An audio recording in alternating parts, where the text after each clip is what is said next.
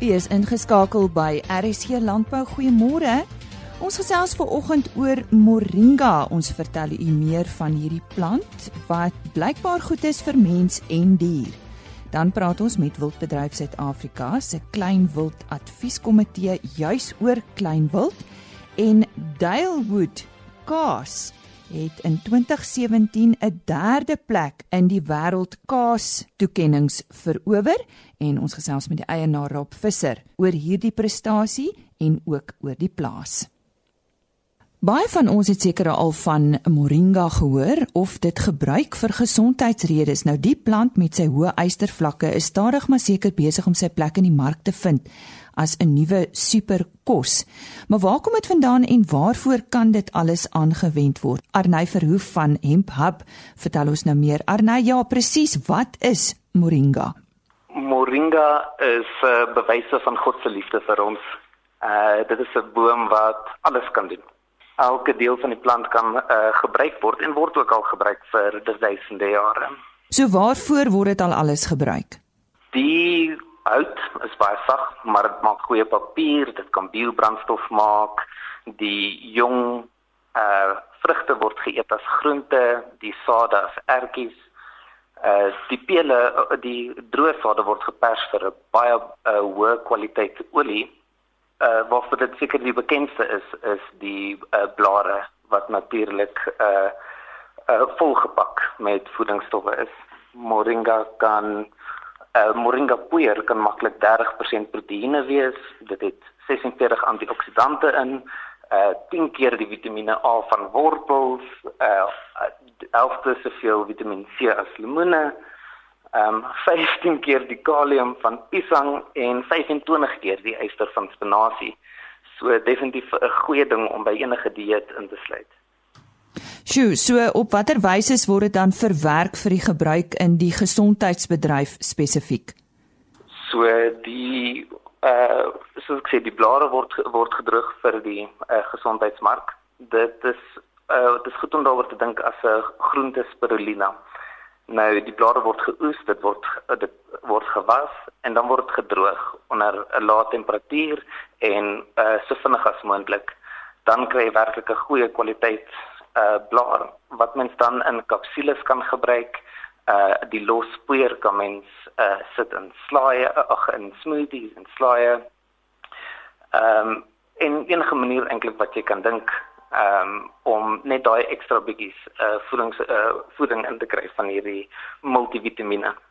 Nou behalwe vir die mens is dit sien ek ook goed vir die dier en dit word as veevoer gebruik. Nou vertel ons bietjie meer hiervan dit is eintlik een van my ehm uh, die een van die gebruike van moringa wat my die opgewonde uh, opgewonde te maak. So uh, in ons area vertel mense dat moringa sal tweelinge uh, veroorsaak in wild en en ehm um, 'n vee.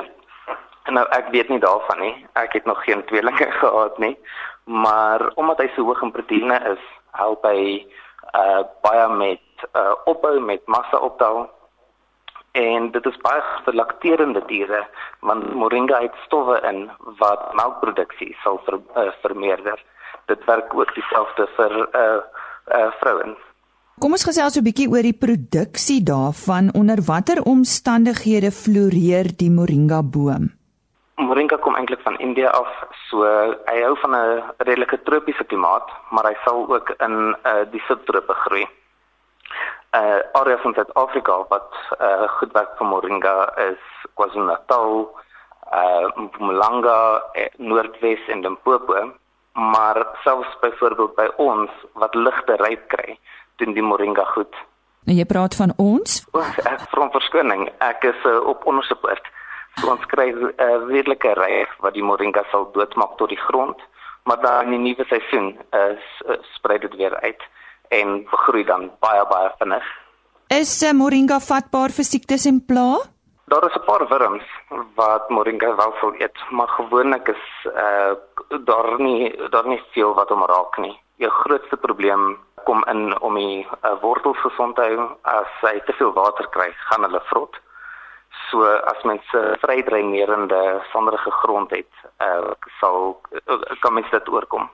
die moringa boom, hoe lank vat die produksie daarvan voor jy dit kan oes of die blare kan gebruik?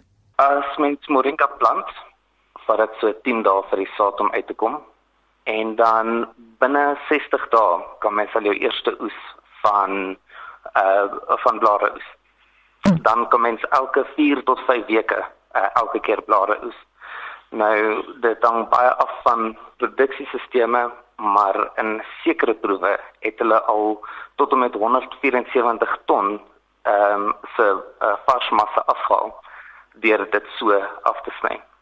Moringa groei baie vinnig uh, en selfs as mens vir die saad kweek, is daar variëteite wat in 6 maande al sal uh, blom en begin vrugte dra. Uh PKM is die variëteit en hulle was in Indië gekweek spesifiek vir hierdie rede. En dis 'n boom wat in 6 maande al begin blom en vrugte dra. Beter as pekenneute in my opinie. nou op watter skaal word dit internasionaal geproduseer? Hierdie is 'n baie moeilike vraag omdat soveel moringa uh, informeel geproduseer word baie keer deur uh, kleinskaalse boere en baie meer uh, baie keer in die informele ekonomie. India produseer omtrent 8000 ton moringa elke jaar. Ehm um, maar dit groei. Hulle hulle hulle dink die mark sal uh, styg met tot en met 30% elke jaar. Ehm um, en dan sal hy werk wees omtrent so 10 miljard rand teen 2020. In Afrika begin dit grootskaals aangeplant word en selfs kommersiële boere spring in wat duisende bome plant. So die potensiaal is groot in Afrika. Veral in Afrika en ook as 'n uitvoerproduk. Europa, Amerika en China is uh, groot invoerders van moringa. Ek was in Pole gewees op op 'n treinstasie en hier by die winkeltjie kry ek uh, toe moringa pille en net daai het ek geweet dat uh, moringa se tyd het gekom. Nou Arnay, ek kan onthou in 2011 het ons 'n onderhoud gehad met 'n opkomende boere vrou uh, van die Limpopo wat juis moringa aangeplant het en uh, veral vir kindervoeding. Is daar 'n grootskaalse produksie daarvan reeds in Suid-Afrika? Ek uh, vermoed dit is groter as wat ons dink. Ek kan ongelukkig nog geen uh, syfers uh verwys nie, maar reg oor die land vra mense vir my vir moringa saad. Ehm um, en ek weet in Limpopo het hulle sterk hulle produksie opgebring. Ehm um, so ja. nou goed, uh, ons het daar gesels met Arney Verhoef, hy's van Hemp Hub en hy het vir ons meer vertel van moringa en die sukses daarvan. Volgende is Henny Maas. Kleinwild het uh, die afgelope tyd baie meer gewild geword nadat heelwat plase gedurende die laaste 10 jaar van beesboerdery na wildboerdery oorgeskakel het. Nou die bestuur van kleinwild verskil baie van die van 'n veeboerdery. Henk Maree van Wildbedryf Suid-Afrika se kleinwild advieskomitee gaan nou met ons gesels oor die bewaringsetiek by 'n kleinwildboerdery. Henk, miskien heel eers uh Wat moet 'n klein wildprodusent se fokus wees? Weet jy nie, ek dink die die die die na die na die finansiële insinking van die van die wildbedryf of soos wat almal moet gepraat het van die bubble wat wat gaan bars wat toe nou gebars het. Ek dink is dit belangrik vir enige boer of hy nou klein wild of groot wild doen. Um is dit belangrik dat hy homself die vraag afvra: Wat is my fokus? Is my fokus om geld net te maak of is my fokus weer wat dit ouds was in die begin en dit is die bewaring van die biodiversiteit van spesies.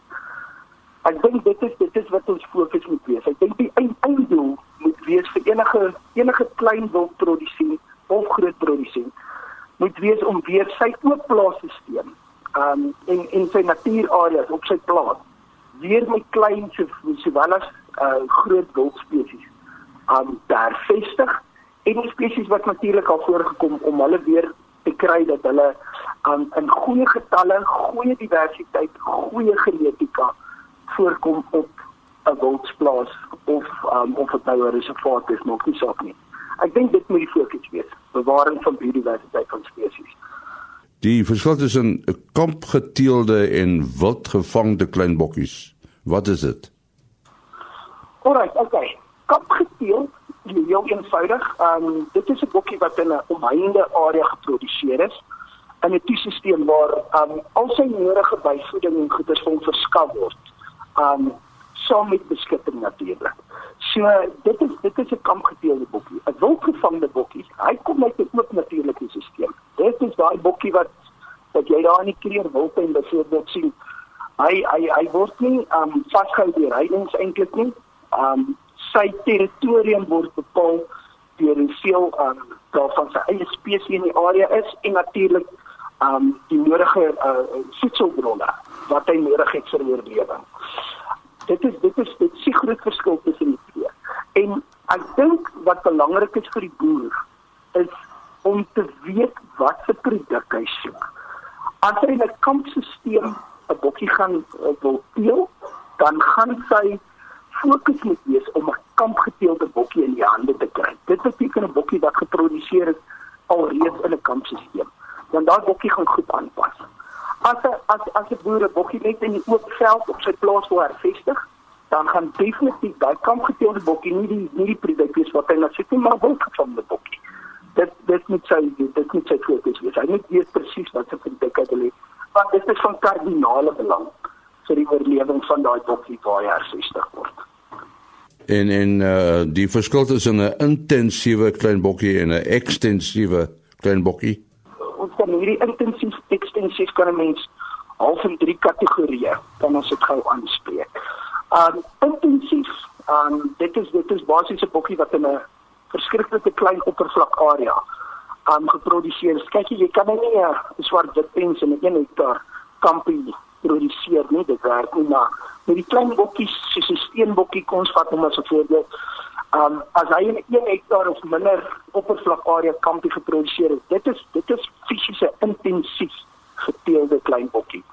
Daai bokkie is 100% afhanklik van um byvoeding. Jy moet hom 'n volledige dieet aan um, moet jy vir hom um, kan verskaf met al die nodige minerale, vitamiene omdat hy dit nie self in self kan gaan soek nie. Dan um van intensief as jy nou gaan na 'n semi-intensief ons kyk want daar's baie sulke kampe in die land waar daar klein bokkies is en ek sou ek sou sê semi-intensiewe bokkies is 'n bokkie wat in 'n oppervlak area van so tussen 2 tot 10 hektaar kampie word hy geproduseer. So daai daai bokkie kan bietjie meer sy eie natuurlike voeding soek in self, hy bietjie meer habitat in sy kampie. Hy kry net so 'n bietjie byvoeding gewoonlik, bietjie wildspille, bietjie lek, bietjie lisering. Um dit is 'n semi-intensiewe bokkie.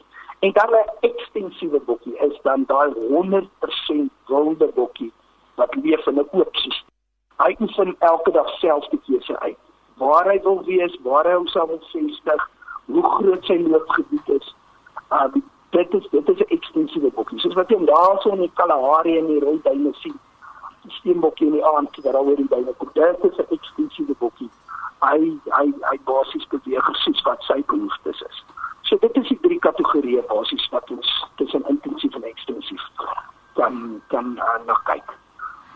En as die uh, wildprodusent nou moet kies watter klein bokkie moet hy koop? Intensief wil ek definitief vir die vir die wildprodusent die raad gee. Um, 'n Mens moet kyk na jou geregistreerde teelers daar um, dit is dit is baie belangrik dat jy by iemand koop wat wat regtig op die regte permitstelsel is. Want anders te gaan jy nie die die die die permit kan oordra na jouself toe. So dis dit is 'n baie belangrike beginpunt. Ek dink aan um, wat wat meeste wildboere altyd verkeerd doen is.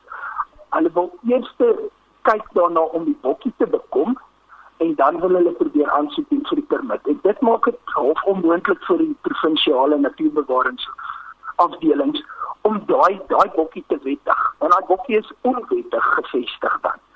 Die beste is om eers te begin by die beginpunt waar dit waar jy na jou na jou kampe kyk.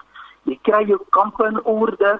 Jy kry al die heininge in plek, elke ding reg. Jy kry die natuurbewarings ehm um, owerheid of die provinsiale natuurbewarings van jou van jou provinsie waar jou plaas is kry jy uit om die inspeksies te kom doen en sodra hulle hulle stempel gee dat hulle gelukkig is, dan hulle mens begin om 'n intensiewe bokkie te soek by 'n geregistreerde teeler.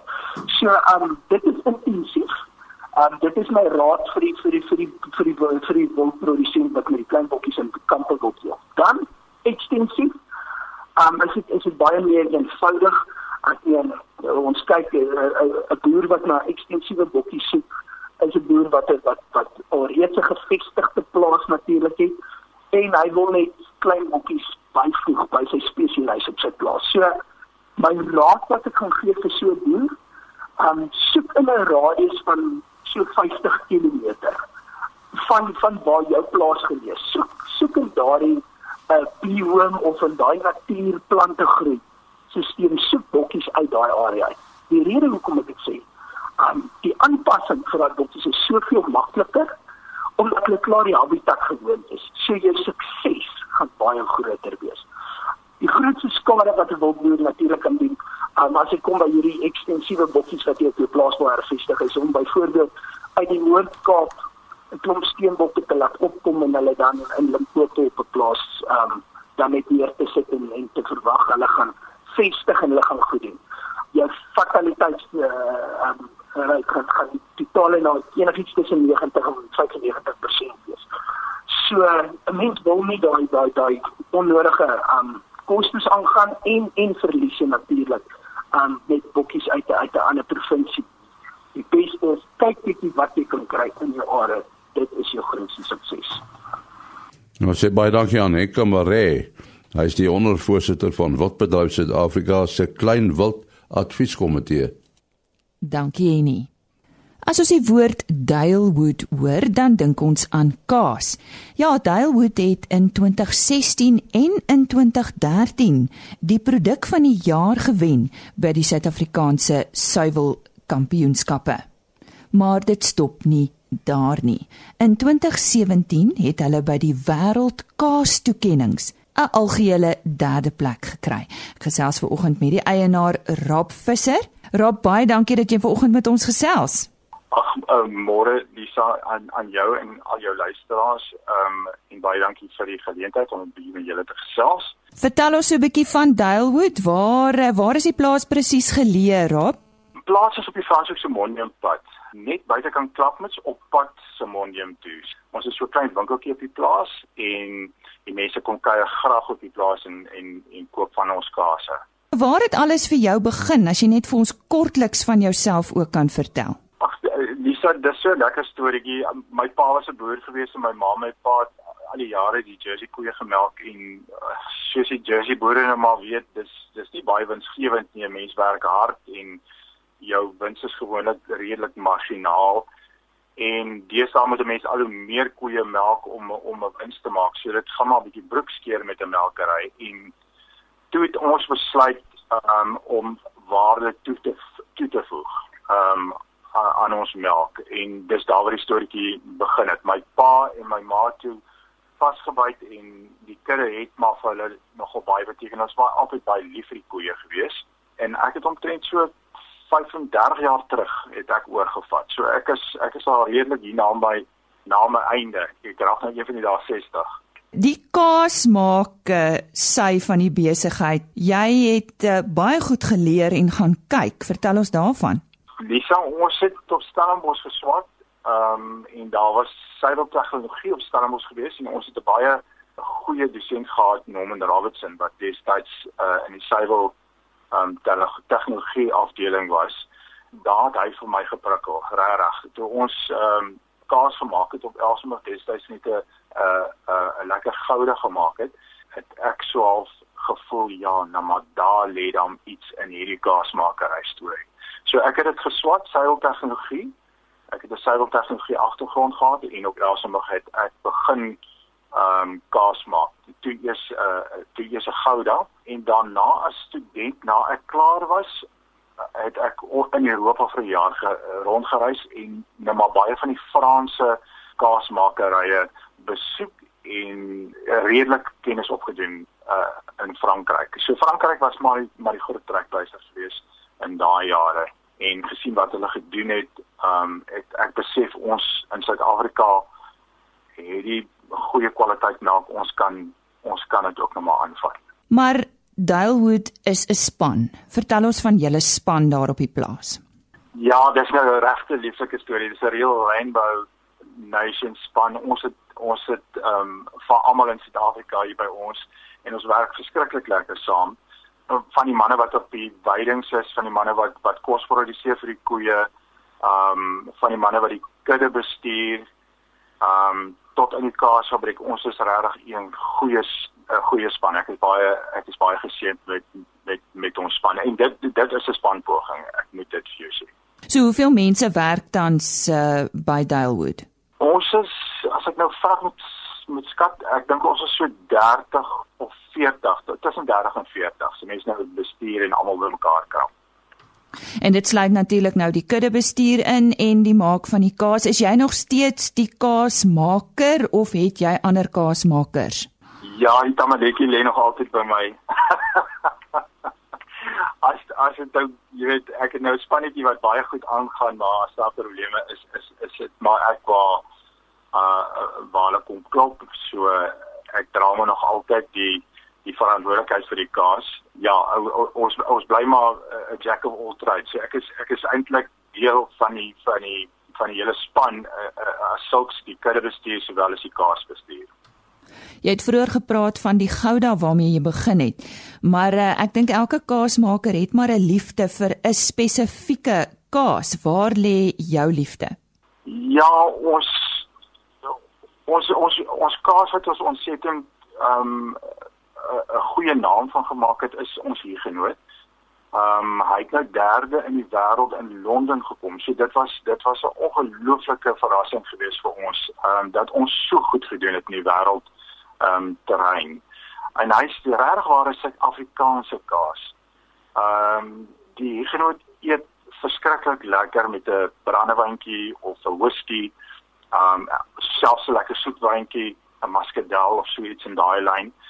Um, dis uh, sal ek sê die, die genoot is vir my regtig waar 'n trots. Ek ek is ek is baie ek is baie um trots oor die genoot en en ek voel baie gelukkig met wat ons span gepresteer het um met die genoot. Ja, jy het nou eintlik die woorde uit my mond uit geneem wat ek wou eintlik vir jou vra oor die toekenning wat jy gekry het. Vertel ons net van die kompetisie. Dis 'n wêreld internasionale 'n uh, 'n kompetisie. Hoe skryf 'n mens nou byvoorbeeld in en hoe kan jy kwalifiseer om deel te neem? Ek dink ons ons kan enige een kan kwalifiseer. Um die die groot don van van van die kaas wêreld in Suid-Afrika is Kobus Mulder en hy maak die passe bymekaar en hy vat hulle oor, hy pas hulle op vir ons en en hy is self een van die beoordelaars op Londen. Ek dink daar's omtrent 350 beoordelaars en daar's daar was hierdie jaar 3000 kase ingeskryf. So dis regtig waar 'n massiewe kompetisie. Ja, ek ek dink dis ook vir almal. So as jy nou kaas sien, kan jy net maar inskryf.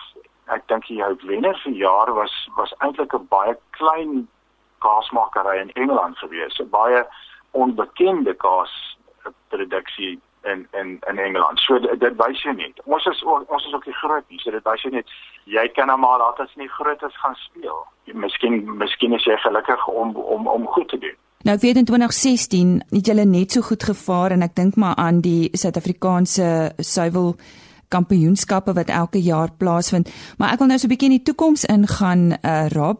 Uh ek sien ook die Huguenot is die grootste wielkaas wat in Suid-Afrika vervaardig word.